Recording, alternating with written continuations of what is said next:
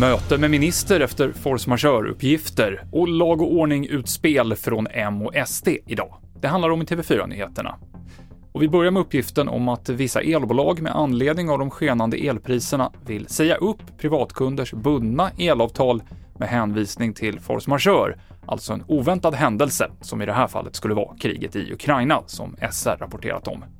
Nu har finansmarknadsministern Max Elger kallat till möte med både Allmänna reklamationsnämnden och Konsumentverket och med energiföretagen för att diskutera det här.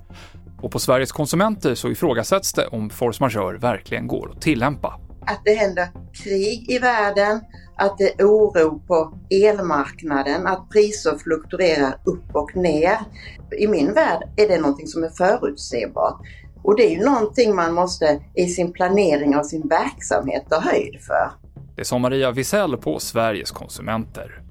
Om Moderaterna vinner valet så lovar de att ordna en särskild anti-gängenhet på justitiedepartementet. Den ska som enda uppdrag ha att så snabbt som möjligt lägga fram lagförslag för att stoppa gängkriminalitet. Bland annat långtidsövervakning i form av fotboja i upp till 10 år för gängkriminella efter att de släppts ur fängelse. Sverigedemokraterna har idag lagt fram en lista på sina krav inför eventuella regeringsförhandlingar. Fokus ligger på vad partiet kallar trygghetsfrågor. På listan finns saker som att fler som begår brott ska utvisas, visitationszoner och ett nationellt tiggeriförbud. Och bränslesnåla rutter och den miljövänligaste vägen är nya funktioner som Google Maps lanserar i Sverige idag.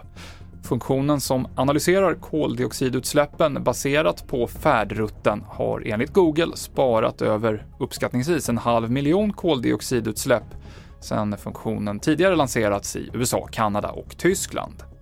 TV4-nyheterna i studion Mikael Klintevall.